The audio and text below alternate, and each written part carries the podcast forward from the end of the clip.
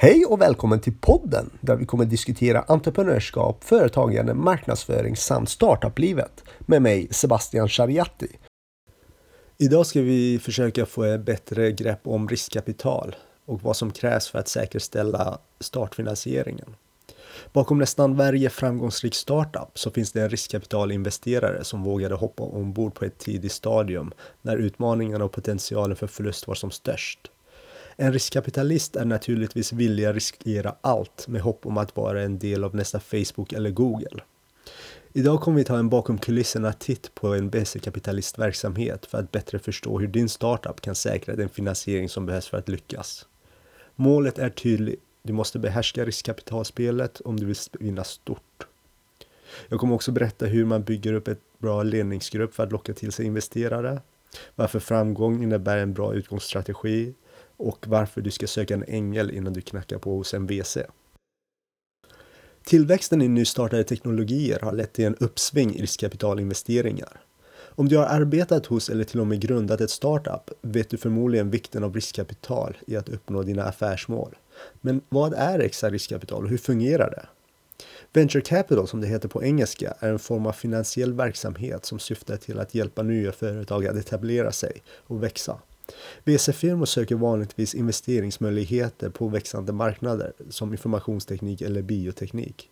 I utbyte mot kontantinvesteringar ger startupen VC-bolaget en betydande del av bolaget. Marknaden för riskkapital har stigit under de senaste åren allt eftersom fler företag grundas och kräver investeringar för att de ska växa. Idag har det aldrig varit lättare att starta ett nytt företag. På 1990-talet var saker dock annorlunda. Startkostnaderna var höga och många företag var tvungna att ordna hundratusentals kronor för att täcka kostnader för servrar och programvarulicenser. Men allt eftersom tekniska innovationer har ökat så har kostnaderna för att starta ett nytt företag minskat betydligt. Som bara ett exempel så har cloud computing minskat lagringskostnaderna markant vilket har lett till att idag så kan det kosta mindre än 50 000 kronor för att skapa en betaversion av en webbplats eller en mobilapp. VC-företag vet att det finns stora möjligheter i startup-idéerna. Medan en traditionell bank normalt inte ger ett lån till en startup som inte har en omsättbar produkt så är VC-företag villiga att sätta upp de behövliga kontakterna tidigt och satsa på en seriös framtida utdelning. Uttrycket venture refererar i själva verket till de risker som VC-företag medvetet tar när de investerar i ett nytt företag. Cirka 60 procent av alla nystartade företag som stöds av riskkapitalister går dock i konkurs innan startupen kan betala tillbaka investeringen. Faktum är att bara en av tio riskkapitalinvesteringar verkar vara framgångsrika. Men den startupen kan vara nästa Facebook. Alla VC-bolag är byggda på partnerskap med det enda målet att göra en lönsam exit.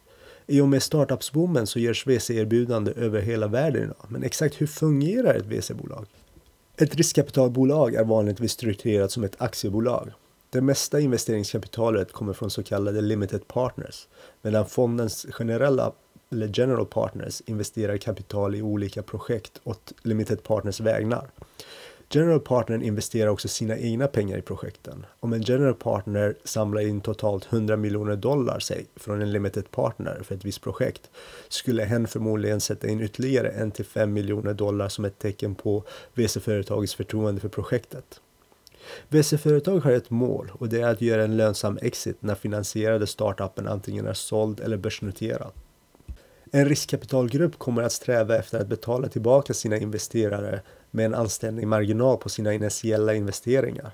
Naturligtvis vill VC-företag tjäna lite pengar själva också om det är möjligt. Vanligtvis omkring 20 procent av den slutliga försäljningen eller den börsnoterade värderingen.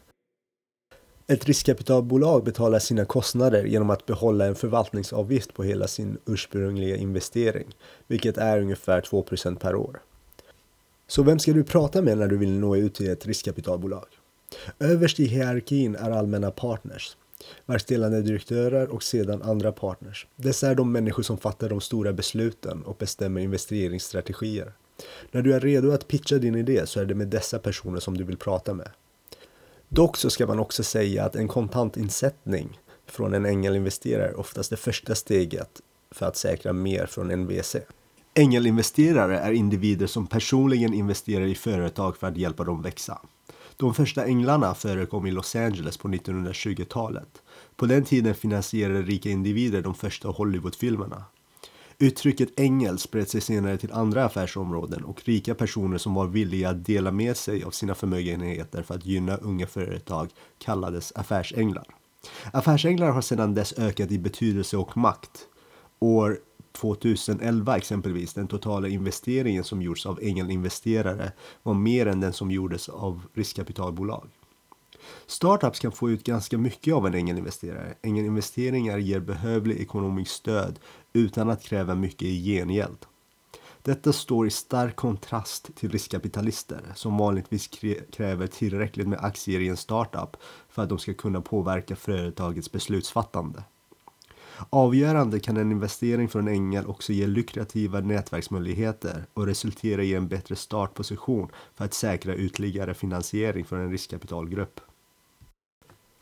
Låt oss säga att din bioteknik-startup arbetar med en botemedel mot cancer. Eh, dina kostnader är höga och du letar efter en miljard kronor i investeringar. Men ingen särskild enhet kan ge en sådan summa. En ängelinvesterare kan dock ge en liten investering för att finansiera dina första labbprover. Och om dessa försök är framgångsrika kan ditt nästa steg vara att pitcha för ett VC-företag. Be dock inte om för mycket pengar när du söker finansiering från ängelinvesterare. Det är orealistiskt att förvänta sig 100 miljoner från en ängel. Ängelinvesterare investerar vanligtvis från 500 000 till 10 miljoner i ett enda projekt. Bara tillräckligt med kapital för att driva igenom det första året. Riskkapitalister letar efter nystartade företag med starka välbalanserade ledningsgrupper. Om den gyllene regeln för fastigheter är location, location, location så är det dock ledning, ledning, ledning för riskkapitalister. En startups framgång är beroende på att ha en flexibel men kompetent ledningsgrupp. Det spelar mindre roll om startupen har en bra affärsplan. På grund av att med stor sannolikhet så kommer ledningsgruppen att behöva ändra planen samt ändra riktning för att svara på marknadens behov och tryck. De måste alltid vara redo att möta oväntade utmaningar. Därför investerar VC-företag sällan endast i idéer. Det är en mycket säkrare satsning att investera i ett bra lag. De mest framgångsrika företagen grundar sig på ett starkt balanserat team. Faktum är att när man tittar på framgångsberättelserna i Silicon Valley uppstår ett mönster. Ett framgångsrikt företag uppstår oftast ur en kombination av en visionär ledare med global perspektiv, en tekniker med färdigheter att göra visionen till verklighet och en säljare som kan skräddarsy en produkt till marknadens förväntningar. Datorgrafikkortpionjären 3DFX var ett sådant företag. På 1990-talet ingick företagets grundande trio av en visionär expert på polygonal matematik, en professor från Massachusetts Institute of Technology som specialiserade sig på 3D-matematik och en senior försäljningsdirektör med många års erfarenhet. Det här är den typen av team som en venturekapitalist vill ha. Om ett företag saknar en nyckelposition är det en indikation på att ledningen kanske inte är välbalanserad. Dessutom ifrågasätter riskkapitalister också en startup som inte kan locka till sig åtminstone en grundare med en solid teknisk bakgrund. Sammanfattningsvis, om ledningsgruppen inte imponerar kan ett VC-företag känna att startupen inte är redo för investeringar. Ett startup behöver ha som mål att hitta sätt att öka värdet och vara innovativ för att locka till sig VC-investeringar. Men detta är bara början. Ibland kan entreprenören förlora perspektiv och börja spendera efter att de har skaffat behövlig kapital. Låt oss granska de vanligaste fallgroparna så att du kan undvika dessa misstag. Det första du ska tänka på är att inte lägga för mycket pengar tidigt på marknadsföringen. Startups bör växa genom att skapa en övertygande produkt som fyller en nisch på marknaden. Om du har gjort ditt jobb bra borde du inte behöva ägna mycket tid eller ansträngning för att förklara din produkt. Din produkt ska tala för sig själv. Till exempel Facebook, Uber och Paypal har aldrig spenderat mycket på reklam. Istället fokuserade dessa företags resurserna på att bygga upp värde i sina produkter. Sann innovation uppstår när du kan identifiera ett behov som marknaden inte ens inser existerar. Steve Jobs är det klassiska exemplet på denna typ av tänkande. Han kände att de flesta inte visste vad de vill ha förrän det visades för dem. Dessutom så kommer marknadsundersökningar bara ta dig så långt. Din idé ska inte ta itu med vad folk tror att de vill ha idag, men förutse vad de behöver imorgon. Ett innovativt koncept garanterar emellertid inte framgång. Du behöver också ha en plan för att få ditt koncept till rätt kunder. VC-kapitalister vill veta hur en startup har för avsikt att bygga en community kring en produkt eller en tjänst. Skype var till exempel särskilt framgångsrik i detta. När den först utvecklades var Skype en av 200 nystartade företag som erbjöd en liknande telefontjänst. Dock lyckades företaget att dra ifrån de andra genom att placera en banner på KASA, en populär fildelningstjänst vid den tiden. Bannern sa “betala inte för din musik, varför betala för telekom?”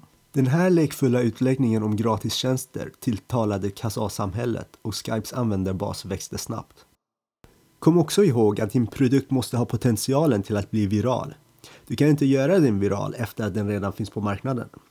Youtube tillåter till exempel att någon som laddar upp ett videoklipp att sedan inbädda det på en annan webbplats. På så sätt sprids Youtube-märkta videos överallt på nätet. Det är ett väldigt bra viralt koncept. Som en startup så räcker det inte med att bygga ett bra företag. Man behöver också ha en bra exitstrategi. En riskkapitalists kärnstrategi är att investera i en startup med målet att göra vinst när företaget antingen säljs eller börsnoterats. Som entreprenör måste du visa potentiella investerare att du är medveten om dina mål genom att presentera en bra exitstrategi. Utmaningen för en startup är att utveckla ett hållbart företag med stabila intäkter och lojala kunder så att den så småningom kan säljas. Detta är ingen lätt uppgift och även Google kämpade med det. Excite, en av de första internetportalerna, hade i början av 1990-talet chansen att köpa Google för en miljon dollar. Excite avbröt erbjudandet eftersom Google inte hade några intäkter och ingen visste hur man skulle tjäna pengar på sökmotorer vid den tiden. Du måste vara medveten om hur potentiella köpare ser på din startup. De största erbjudandena görs när köpare ser ett företag som en strategisk tillgång. Till exempel när Google förvärvade Youtube så var det ett strategiskt drag eftersom de försökte expandera vidare till internettjänster. När du sätter ihop en exit-strategi, kom ihåg att de bästa erbjudanden troligen inte kommer komma från strategiska finansiärer dock. Emotionella köpare eller de som har ett brådskande behov av att införliva ditt företag i sin verksamhet är de köpare du vill ha. En känslomässig köpare kan vara ett etablerat företag som exempelvis förlorar marknadsandelar. Och om din startup ger dem en chans att avvärja detta så kommer de att köpa oavsett pris. Och om du redan är ute på marknaden kan en extra runda av riskkapitalfinansiering hjälpa dig att bättre förhandla om en försäljning. Twitter till exempel var intresserad av att köpa Instagram när förhandlingarna började stalas.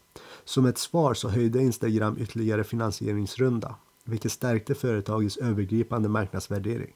Detta fick Twitter att slutligen lägga fram ett erbjudande. Twitter är kanske förtvivlade att Instagram inte accepterar deras erbjudande, men Instagram såldes senare till Facebook för dubbelt så mycket. Ibland är investerare ovilliga att köpa ett företag tills konkurrenterna visar intresse för att göra detsamma. Konkurrenter kan hjälpa dig att få ett bättre exitavtal, så använd denna strategi till din fördel. Venturekapitalister har inte tid att sitta igenom långa presentationer, så gör det snabbt. Riskkapitalister är upptagna människor. För att säkra den nödvändiga finansieringen, slösa inte bort deras dyrbara tid. Ha alla dina material redo innan ni träffas för att ge ett bra intryck. Var också medveten om att de tider när man hade långa affärsidéer och presentationer på flera sidor är långt borta. Investerare vill nu se snygga, koncisa planer med tydliga mål. Entreprenörer måste visa att de kan lansera sina idéer på marknaden och snabbt analysera resultat och vara beredda att göra stora förändringar om det behövs. Dagens VCR hanterar ett ton av kommunikation oavsett om det är e-post eller på annat sätt. Så de föredrar punktformspresentationer som tar upp stora problem med få ord. Du borde vara tydlig med din startups ekonomiska behov, din ledningsgrupps talanger, ditt nuvarande utvecklingsstadium och framtida mål. Din affärsplans sammanfattning, bara en eller två sidor max, bör täcka dessa viktiga ämnen. När du väl är innanför dörren kan du erbjuda andra stöddokument, till exempel en så kallade pitch deck. Det här är en uppsättning med tio bilder som tar upp ditt företags viktigaste frågor, till exempel dina konkurrenter eller företagsvärderingsförslag. Du behöver också ha en ekonomisk modell för att illustrera lönsamheten för ditt projekt. Din modell ska erbjuda 3 till 5 års värde av finansiell data dessa ska täcka frågor som prognostiserad intäkt, stora kostnader och nettoresultat.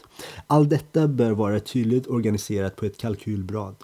En bra modell beskriver exakt vilka faktorer som bestämmer ditt företags lönsamhet.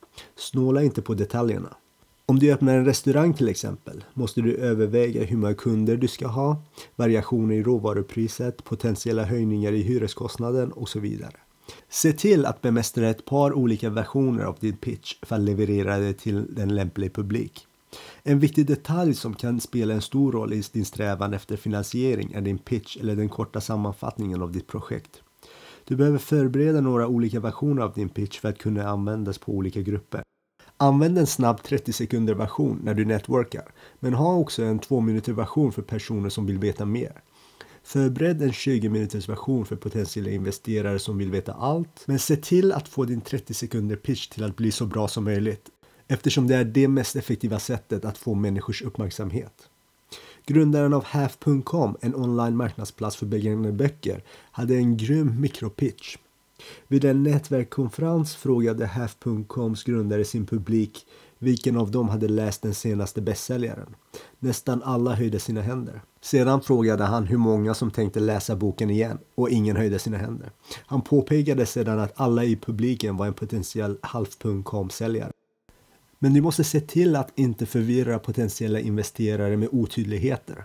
De vill veta vad som gör dig unikt, så lita inte på generaliteter för att beskriva din idé. Undvik saker som vi är en blandning mellan Facebook och Pinterest. Det förklarar inte vem du är eller vad din idé är. Bort med buzzwords som disruptive lean startup. Vilken startup är inte det? Sådana buzzwords erbjuder lite inblick i ditt verkliga koncept. Lär dig hur du berättar en bra historia. Dina investerare vill bli övertygade, så finslipa dina talförmåga och få din idé att leva. Var inte defensiv när du besvarar frågor heller. Det är normalt för investerare att begära mer information om en idé eller plan. VC-kapitalister har blivit allt mer inflytelserika i startup-scenen. Allt eftersom nästan alla större teknikbolag som lanserats de senaste åren har finansierat av ett VC-företag så behöver nya företagare veta vad VC-företag letar efter och hur man bäst presenterar sig för dem. Så ha ett bra ledningsgrupp, lär dig att pitcha och visa att du förstår en VCs mål om exit-strategier. Att säkra finansiering är en viktig del av att få din startup-dröm att bli verklighet. Om du vill lära dig mer så rekommenderar jag boken Venture Deals av Brad Feld och Jason Mendelson. Venture Deals erbjuder insikt i de mekanismer som styr riskkapitalerbjudande samt knep som hjälper dig att få ut det mesta av förhandlingarna med investerare på ett sätt som både är lättförståeligt och kommer att ge dig en fördel vid förhandlingsbordet. Detta var allt för idag. Tack för att du lyssnade.